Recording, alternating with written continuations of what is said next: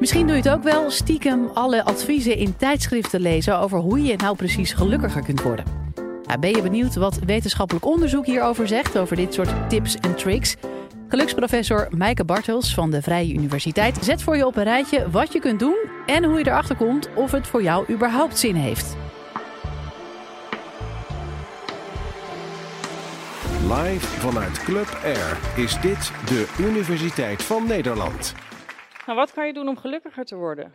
Dat is volgens mij een vraag waar iedereen uh, nu meteen het antwoord op zou willen weten. En misschien ook wel de reden waarom u uh, gekomen bent. Het is een hele interessante vraag. En we weten dat mensen verschillen in geluksgevoel. 40% komt door genetische verschillen, 60% door omgevingsverschillen en eigenlijk door het complexe samenspel van genen en omgeving. Nou, om dat geluk is een, een hele industrie gebouwd van uh, hoe kunnen we mensen gelukkiger maken. En uh, onder andere geluksboeken. Ik heb er ook eentje gekocht. Nou, het is niet helemaal waar. Ik heb hem gekregen in eerste instantie. Maar ik heb hem wel gelezen, maar dat kwam omdat ik er heel veel over had gehoord. En um, ik moest bekennen dat ik ook wel wat dingen van gedaan heb, geprobeerd. Um, eentje, die zal ik even voorlezen. Misschien herkent u er wel iets van en kunt u toe gaan passen. Psychologen en sociologen die onderzoek doen naar geluk, hebben het nooit over rommel. Maar als ik in populaire boeken dook, dat is wat de, de schrijfster zegt, die is een heel project begonnen voor zichzelf om, uh, om gelukkiger te worden. En die is eigenlijk alles aan het testen wat er over de wereld aangeboden wordt. En iedere maand heeft ze eigenlijk een lijstje voor zichzelf uh, om af te lopen, om te kijken van, nou ja, word ik daar nou gelukkiger van? Nou, dit is helemaal het begin van het jaar, januari. Um, dus ze schrijft, als ik in de populaire boeken dook, werd er juist veel gediscussieerd over rommel. Wat de gelukswetenschappers ook mogen bestuderen, gewone mensen zijn ervan overtuigd dat rommel opruimen hen gelukkiger zal maken. Nou, ik uh, hoor bij die wetenschappers, maar ik, ik moet eerlijk bekennen dat, uh, dat rommel opruimen voor mij ook wel enigszins uh, effect heeft. Het opruimen aan zich niet, vind ik heel erg vervelend. Dat doe ik ook heel vaak niet. Maar als ik het gedaan heb, dan geeft het mij wel een uh, geluksgevoel. Het blijft alleen niet zo heel erg lang hangen over het algemeen. Dus dat is uh, lastig. Het is leuk om te lezen, want iedere maand moet je een aantal dingen doen. En dan kan je ook voor jezelf kijken hoe je, goed je daar eigenlijk aan houdt. Um, belangrijker, wie denkt dat je gelukkiger wordt van veel geld? Heel veel geld kan ook. Nou, daar is wel onderzoek naar gedaan, naar de relatie tussen geld en geluk. Uh, en er zijn een aantal uitkomsten. Uh, ten eerste zit er een uh, bepaald optimum aan. En daar wordt soms een getal aan gehangen, maar dat heeft niet zoveel waarde. Ehm, iets meer geld maakt wel gelukkiger, tot een zekere grens. Maar daarbij moet je altijd realiseren dat geld voor de ene persoon veel belangrijker is dan voor de andere persoon. Dus je kan niet zeggen van nou, die grens ligt bij zoveel duizend euro. Uh, want voor de een is dat heel veel geld en voor de ander is dat helemaal niet zoveel geld. Dus geld maakt wel iets gelukkiger, zeker als je vrij makkelijk kan voldoen aan je basisbehoeften, maar niet tot in de eeuwigheid. Uh, en is ook iets waar je vrij lastig uh, iets aan kan doen. Wat wel heel leuk is, is dat ze het ook hebben omgedraaid. Ze hebben in een onderzoek gekeken naar het geluksgevoel van jongeren, gemeten op leeftijd 16, en gekeken wat ze daarna zouden gaan verdienen. Nou, wat bleek, degenen die op 16 hadden aangegeven dat ze gelukkiger waren, verdienden meer toen ze midden 30, midden 40 waren. Dus het is niet alleen maar geld wat gelukkig maakt, maar blijkbaar maakt geluk ook geld. En dat is natuurlijk een hele interessante vraag. Dat onderzoek zou je nog iets netter kunnen uitvoeren door altijd allebei geld en geluk op dezelfde momenten te, te, te meten en die mensen te blijven volgen. En waarschijnlijk zie je dan dat het effect twee kanten op gaat. Een andere vraag. Wie denkt dat je gelukkiger bent met kinderen? Um, er is heel erg veel onderzoek gedaan naar geluk en kinderen. Een van de hoofdonderwerpen in het geluksonderzoek. En met name werd er gekeken naar het gemiddelde. Zijn mensen met kinderen gemiddeld gelukkiger dan mensen zonder kinderen? Nou, die onderzoeken spreken elkaar allemaal tegen, want u voelt hem denk ik wel aankomen. Dat is natuurlijk elke keer verschillend. Dat hangt van allerlei factoren af. Uh, hier word je bijvoorbeeld heel gelukkig van als je op een mooie lenteavond uh, bij de bloesemboom in het Amsterdamse bos aan het rondrennen bent. Maar er zijn ook heel veel momenten met kinderen waar je niet zo gelukkig van wordt. Aan de andere kant zijn er ook ouders die van dat moment juist wel gelukkig worden. Want die denken van nu hebben ze me nodig. Nu ben ik belangrijk. Dus het is heel erg wisselend op welk moment mensen gelukkig zijn met kinderen. En het hangt van factoren af. Kijk, als je een stabiele relatie hebt en je hebt een goed inkomen, je hebt een leuk huis, dan kan je met kinderen natuurlijk heel erg gelukkig zijn. Als je factoren hebt die minder zijn, waardoor je het veel meer, uh, meer last hebt van het zorgen voor je kinderen, omdat je ook moet werken, het lastig is om te zorgen dat ze het goed hebben, dan word je misschien wel minder gelukkig op dat moment met kinderen. Dus er zijn heel veel verschillende factoren die ertoe bijdragen of je wel of niet gelukkig bent met kinderen. En het is ook niet altijd dat je altijd gelukkig bent met kinderen of altijd niet gelukkig bent met kinderen. Dus dat zijn lastige dingen die met elkaar samenhangen. Dan de volgende. Wie denkt dat je gelukkig bent als je getrouwd bent? En een duurzame relatie hebt. Hè? Het is niet meer zo dat je per se getrouwd hoeft te zijn. Het is, niet, uh, het is een lange, stabiele relatie.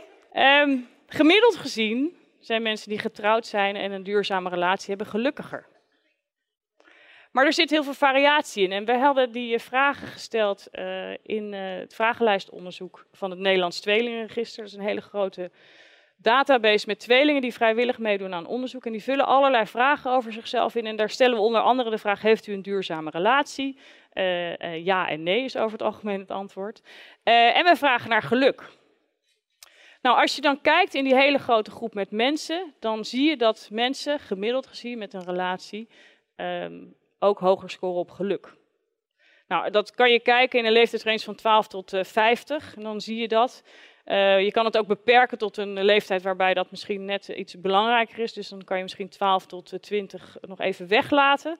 Uh, moet je niet tegen een 12-jarige zeggen trouwens. Maar, um, maar wat belangrijker is, als je vervolgens gaat kijken in de groep van de mensen die een relatie heeft, dan geeft 25% van die mensen nog steeds een cijfer dat lager is dan een 7 aan hun leven. Dus gemiddeld gezien zijn die mensen wel gelukkiger. Maar er zijn ook heel veel mensen met een relatie die ongelukkiger zijn dan mensen met een relatie.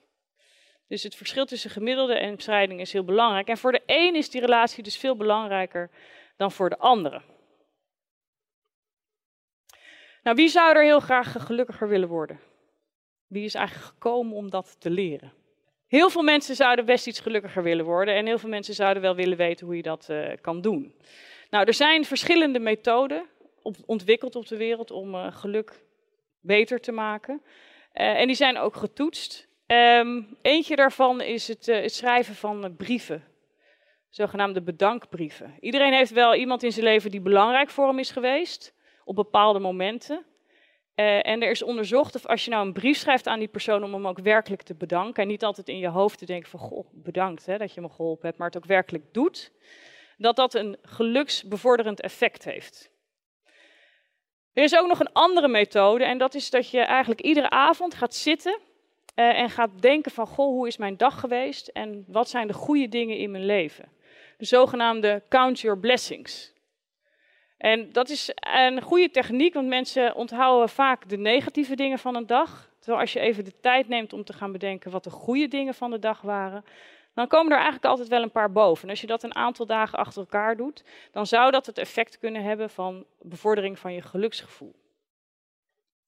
Uh, een derde methode die onderzocht is, is de zogenaamde act of kindness. En dus dat je aardige dingen doet en zegt tegen mensen. En dat hoeft niet alleen maar tegen je gezinsleden te zijn of tegen je vrienden, maar het kan ook tegen voor onbekenden zijn. Bijvoorbeeld uh, dat je op het station staat uh, en je hebt nog wat tijd over en je gaat naar uh, de desbetreffende koffiebar op het station en je koopt niet alleen een kopje koffie voor jezelf, maar ook gewoon voor de persoon die achter je staat. Die ken je helemaal niet, heb je nog nooit gezien. Je denkt, nou weet je, doe gewoon twee koffie en die geef je.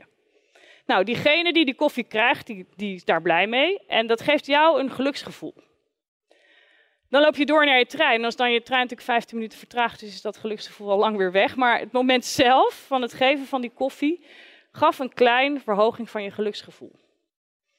Nou, dit soort methoden die zijn uh, onderzocht. Uh, heel veel in, uh, in Amerika moet ik zeggen. En heel veel op studentencampuses. Dus dat zijn wel bepaalde groepen mensen die daar rondlopen. Maar een onderzoeksgroep in Nederland van de Universiteit van Twente heeft alle onderzoeken die er op het gebied van gelukstraining zijn en die met name naar deze drie methoden hebben gekeken, hebben ze samengenomen. Zij vonden een heel klein effect van dit soort dingen, maar wel een effect. Een effect wat ook blijft bestaan. Um, en ook belangrijk daaraan is dat het een klein effect is en dat er een verschil was in de methode van het aanbieden van deze trainingen. Als je dit aangeboden krijgt met een persoonlijke coach, een één op één coach, is het effect het grootst. Als je dit zou doen in, uh, in groepstrainingen, dus bij elkaar komt in groepen en uh, bepaalde vormen van gelukstraining gaan doen, heeft het een iets kleiner effect. En als je het zelf doet, uh, wat natuurlijk wel de grootste industrie is, de zelfhulpboeken en dat soort dingen, is het effect nog iets kleiner. Maar het heeft allemaal wel een klein effectje. En, en om uit te leggen of gelukstraining nou werkt of niet, wil ik eigenlijk de analoog trekken met fysieke training. Fysieke training is iets wat ook enorm gepromoot wordt in Nederland uh, en wat moet bijdragen aan de gezondheid. Um, nou ja, wie, wie houdt er van sportscholen? Wie, wie geeft er wel geld uit aan zijn sportschoolabonnement, maar gaat eigenlijk nooit? Wie, wie zegt van, nou weet je, ik snap wel dat je moet sporten, dat het belangrijk voor je is, maar ik doe dat veel liever buiten. Nou ja, dan heb je de mensen die gaan naar een sportschool, maar als je in een sportschool binnenkomt, dan kan je ook nog 10, 20, 25 verschillende dingen doen. Ik weet het niet, want ik, ik haat sportscholen. Daar, kom ik echt nooit. Daar wil ik ook nooit komen.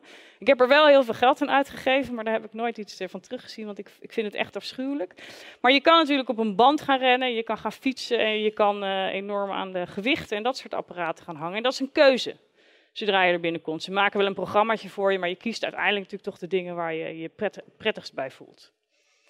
Nou, hetzelfde geldt voor uh, buitensporters. Uh, de een zegt van, nou weet je, ik vind het heerlijk om een rondje te gaan hardlopen. De ander zegt van, nee, dat is echt niks voor mij. Of daar krijg ik last van mijn knieën van, of weet ik wat. Ik ga wel fietsen. Nou, als je nadenkt over dat soort verschillen in training, moet je op dezelfde manier denken aan de verschillen in gelukstraining.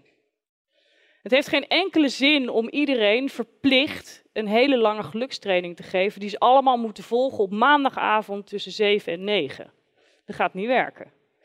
Dus je moet je heel erg gaan afvragen van voor wie werkt het nou? En wat wil ik? Wil ik daar enorm veel tijd aan investeren? Wil ik er heel veel geld aan uitgeven?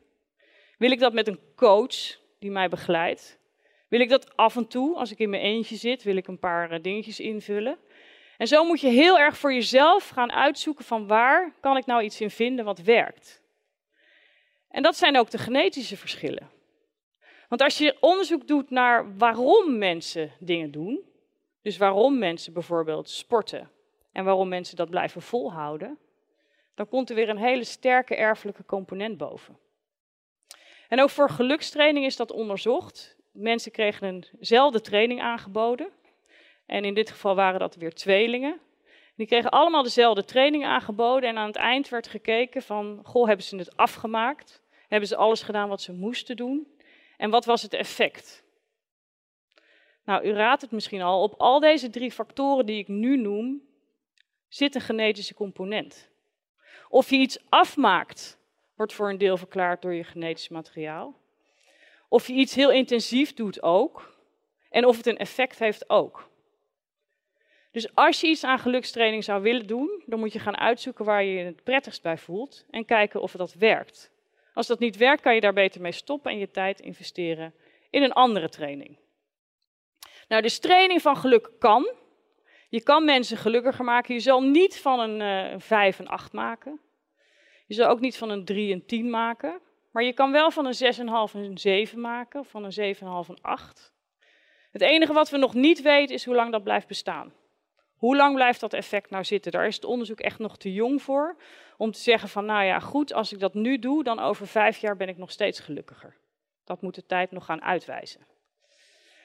Nou, dat is wat betreft de gelukstraining. En uh, ja, geluk is uh, wat mij betreft het meest fascinerende onderzoeksonderwerp wat er bestaat. Uh, ik hoop voor jullie ook. Het is een jong veld. en met name de verschillen in geluk is hetgeen waar we naar moeten blijven kijken. Wil je nou meer afleveringen van de Universiteit van Nederland horen? Check dan de hele playlist en ontdek het antwoord op vele andere vragen.